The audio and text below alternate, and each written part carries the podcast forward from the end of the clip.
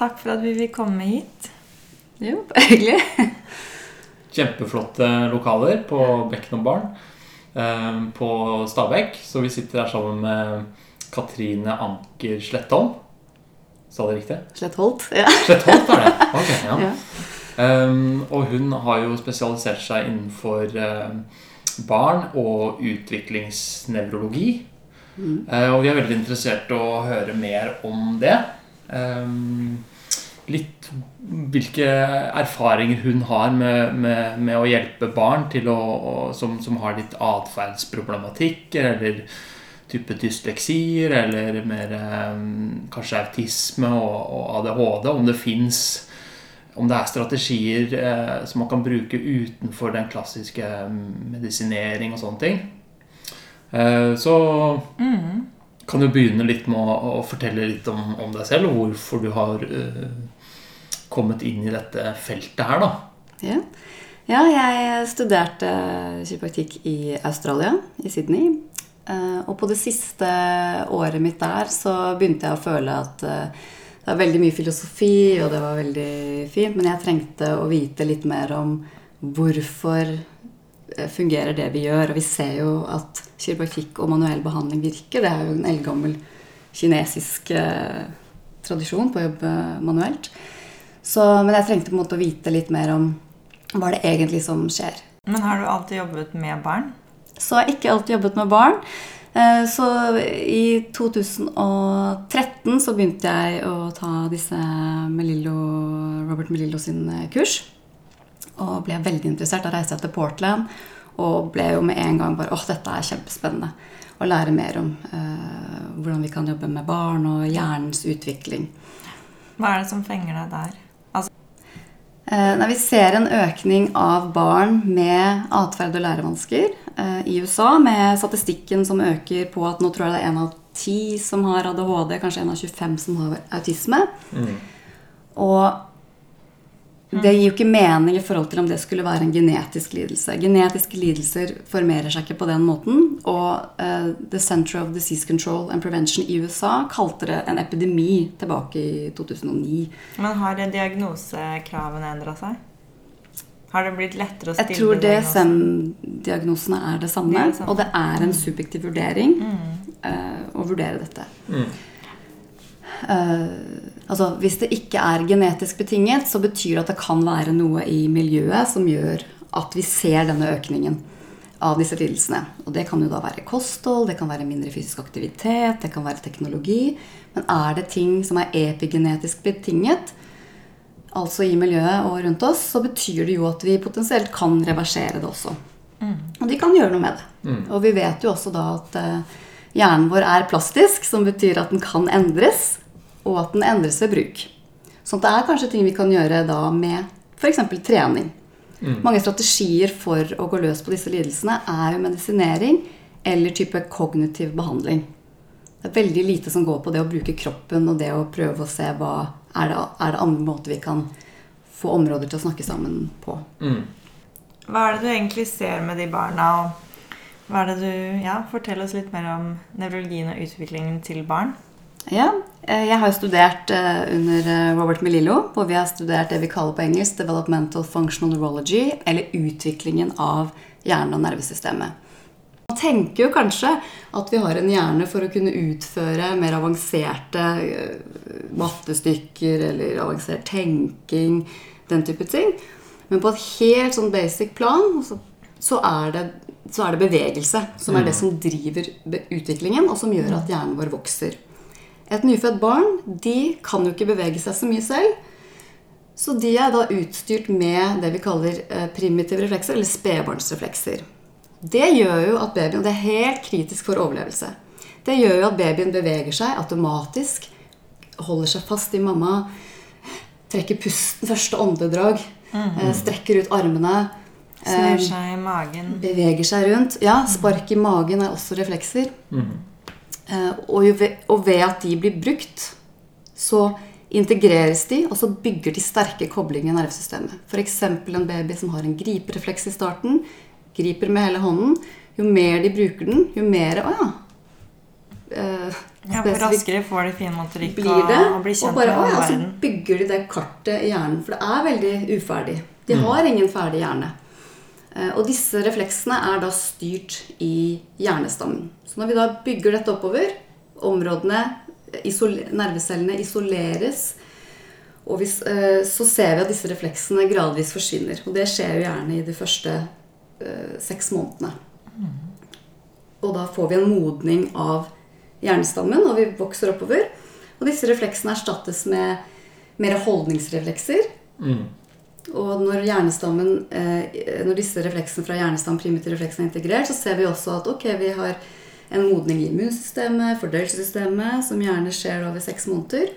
Og så bygger vi det videre på holdningsreflekser, og så blir dette her til slutt god frivillig kontroll av muskulatur. Så alle disse refleksene er egentlig øving av masse små bevegelser som settes sammen til at vi etter hvert kan bruke de til mer avanserte funksjoner. Som å gå. Som å gå, og hele målet det første leveåret er jo å komme seg opp på to ben. Og det kan man jo se på fra at eh, i første leveåret så er det på en måte en lynevolusjon, kan man se. Da er det som en fisk i magen, og så er det som en reptil når de åler, og så er de opp på alle fire før de går opp og går på to ben. Og det som er så fantastisk med vår hjerne i forhold til andre dyr, eh, det er jo også det at eh, da vi reiste oss opp for å gå på to, Mm. da var det så utrolig energibesparende for kroppen og for hjernen vår at det gjorde at, at eh, de prefrontale områdene de vokste ut av den motoriske cortexen. Og som Mm. gjør at vi kunne utvikle mer avanserte funksjoner som, som tenking. Og hvis dere vil lære mer om det her, så har vi en episode om pannelappen. Mm. Ja. Og måten områder i nervesystemet vårt kommuniserer på, det er jo via elektriske impulser. Sånn at det er ulike Det må være en timing og en takt i systemet som gjør at alt kobler sammen samtidig. Mm. Og, og da er det noe man snakker om i, i, innenfor nevrovitenskap i forhold til dette at det å tenke hva er en tanke, Mm. det er jo da internalization of movement. Altså det er bevegelse på samme måte som vi lager motoriske bevegelser, bare at det skjer inni hodet. Mm. Og det skaper tanker. Mm. Det er det vi har snakket om før også, at eh, barn begynner jo ikke å, å snakke og ja, lage språk og tenke abstrakt og utvikle den kognisjonen før etter de har en viss mengde motorikk. Da, etter at de begynner å gå, etter at de begynner å utvikle seg veldig. Så det er jo, ja, det er jo, vi er jo på en måte på toppen av næringskjeden som dyr ved at vi har utvikla de pannelappfunksjonene som gjør at vi ja, kan sette pris på kunst og, og oppføre oss mer mm, quote, menneskelig. Da.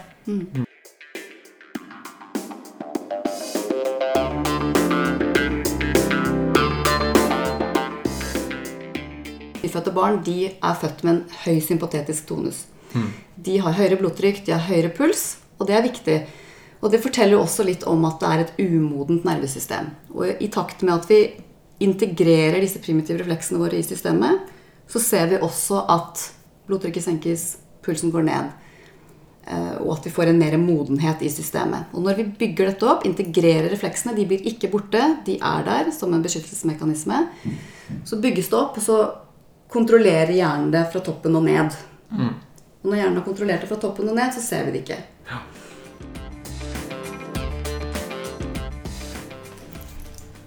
Ja, så det her, Sånn jeg forstår det, så er vi opptatt av å få en, et solid fundament. Med fundament så mener man hjernestamme og postural eh, muskulatur. Eh, og, og at disse funksjonene er, er på plass. Eh, før man da begynner å bygge resten av huset og, og, og får en overordna kontroll igjen. Um, er det sånn Ja, vi kan se for oss at et nyfødt barn, da har du tomten og du har plantegningen. Og så skal dette huset bygges. Og da er det veldig viktig at vi bygger denne grunnmuren solid. Og det vet jo de som har bygget et hus, at eh, grunnmuren tar lang tid. Det må gjøres ordentlig. Og så kommer vegger og tak og de andre tingene på plass. Det går ganske, kan gå litt raskere. Bygger vi en solid grunnmur, så har vi et hus som kan stå i 100 år. Er vi litt rask og det går litt eh, fort i svingene, så kan det hende det slår sprekker, kan bli lekkasjer. Det kan gå etter 10 år, det kan gå etter 20 år, 50. Sånn at det er det vi er opptatt av når vi ser på disse barna, som vi vil skal ha det best mulig både fysisk, psykisk og emosjonelt. At vi, vi går egentlig inn og så ser er det noe rusk og rask i grunnmuren. Da må vi begynne å jobbe der. Og det er jo ofte disse primitive refleksene som kan da ha vært vedvarende.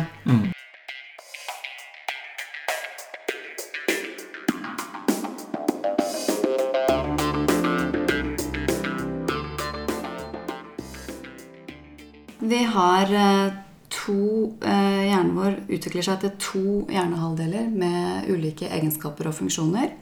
Det starter i fosterlivet med at den høyre hjernen er i fokus de to-tre første leveårene. Den er mer opptatt av grov motorikk, mer uspesifikke lyder, eh, det å holde oss trygge i omgivelsene. Og så har vi andre ferdigheter i venstrehjernen, som er mer finmotorikk, bryte ned informasjon i små biter, eh, Språk. språk, den type ting som vi ser. Et nyfødt barn prater ikke, den hører hva vi sier, altså hører tonefallet på det vi sier, men ikke hva vi sier. Det kommer senere. Um, og det har jo med ulike reseptorer, altså ulike reseptorer vi har på hver side som gjør at det blir sånn. Vi bruker hele hjernen hele tiden. Så det er ikke sånn at vi bare bruker den ene eller den andre, men det spesialiserer seg at den ene er litt bedre enn den andre. Akkurat som jeg har to hender, de ser helt like ut, men jeg er flinkere til å skrive med høyre enn med venstre. Og sånn må det være. Og det er jo litt sånn Man sier at en mann med én klokke vet alltid hvilken tid det er. Har du to, så vet du aldri hvilken tid det er. Det er veldig Ja. viktig og fint at det spesialiserer seg eh, i funksjon, og at det jobber sammen. Og da har vi jo de som da er kanskje mer høyredominante, er kanskje flinkere med grovmotorikk, idrett, sport, mer kreative, empatiske, mer av disse funksjonene som vi ser på den siden. Kunstneren, vil man kanskje si, som setter det litt sånn svart-hvitt. Og så har du på venstresiden så har du revisoren. Her er det mer system, orden, eh, vi har teknologi, vi har eh, den type ting. Så at vi trenger en god balanse mellom disse to. Mm. og at den ene siden er mer sånn holder oss trygg, høyresiden holder oss trygg, venstresiden er den som er målbevisst, som får oss ut i verden og pff, skal gjøre ting.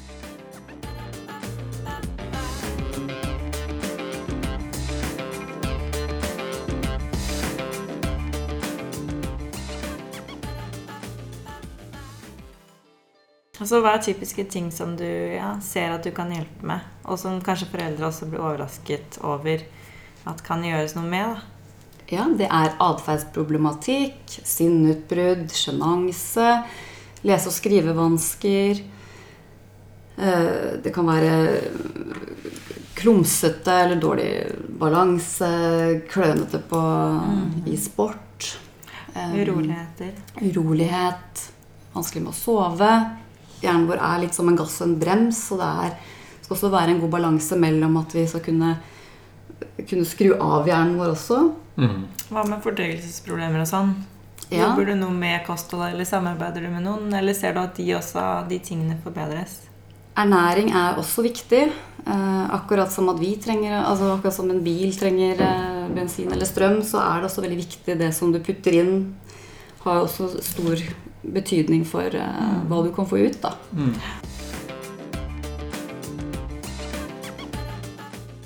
Um, Men hvordan syns du skolevesenet Hvordan er eh, skolevesenet em, Favoriserer det en side mer enn en annen, syns du?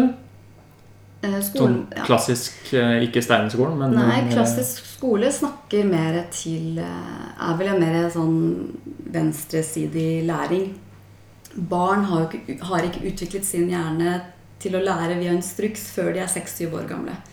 Så før det så er det lek og moro som er i fokus, og bevegelse. Og så blir de mer mottakelige for, eh, for instruks fra 6-7 års alder.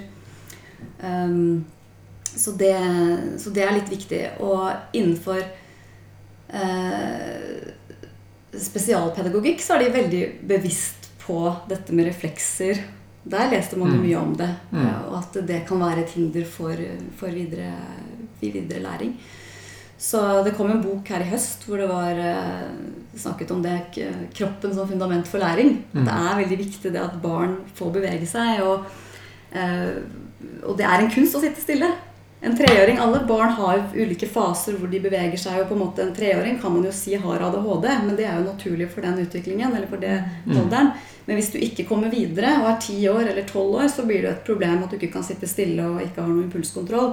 Så det er på en måte ulike faser som skal integreres, men da er vi avhengig av å bruke kroppen og bevege oss.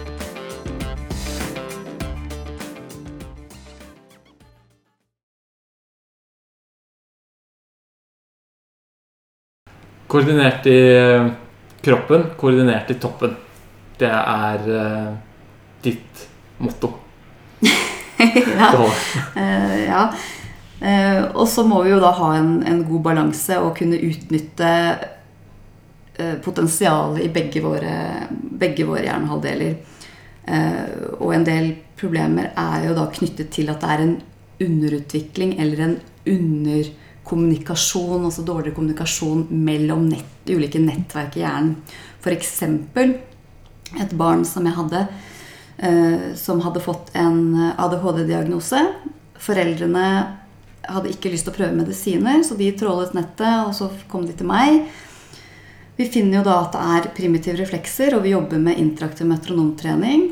Og etter at vi hadde gjennomført denne treningen, så eh, eh, hadde vi fått eh, dette på plass, og han eh, var igjen på en ny evaluering på, på BUP. Eh, og når ikke, målen, altså når ikke kriteriene for en ADHD-diagnose. Foreldrene hadde heller ikke fortalt om det på skolen, at det gikk til meg. Og så eh, plutselig hadde læreren begynt å fortelle at oi, ja, nå er han mye mer konsentrert og sitter Ja. stille i timene og følger med og, og sånt. Så eh, grunnen til at jeg sier det, er jo også at det er ikke slik at Det er ille hvis noen får Altså, får du en diagnose, så skal ikke det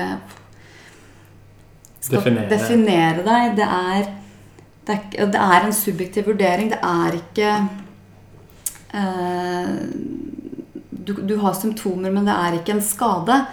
Og når vi da tenker at dette kanskje kan ha epigenetisk så det kan være omgivelsesstyrt, så kan det hende at vi kan ta tak i nervesystemet til barnet og gjøre ting og sjekke ok, fungerer det som det skal. Har de bygget dette huset sitt med en solid grunnmur? Eller er det, er det ting vi kan gjøre for at barnet skal uh, ha det bedre og føle at sin kropp er et godt sted å bo? Det er jo Mm. viktig. At de skal ha det bra. Og at uh, vi kan spille på hele orkesteret og skape vakker musikk. Og det er jo det jeg brenner for, og det jeg ønsker. Å gi alle barn eller de som kom, altså, muligheten til et godt, godt liv. Mm. Eh, med ja, ikke Ja. ja, det er jo kjempebra. Og, og det, er, det, det gjør du hele tiden. Og har en kjempebetydningsfull eh, jobb sånn sett. Så det var kjempespennende å prate med deg, Katrine. Um, vi gjør gjerne det igjen. Eh, og Katrine hun jobber jo da på Stabekk. På Bekken og Barn. Barn i utvikling. Barn i utvikling. Ja. Barn i utvikling, Stemmer. Ehm, da tror jeg vi avslutter for dagen. ja, takk for meg. Takk for at du var med. Ha det. Ha det.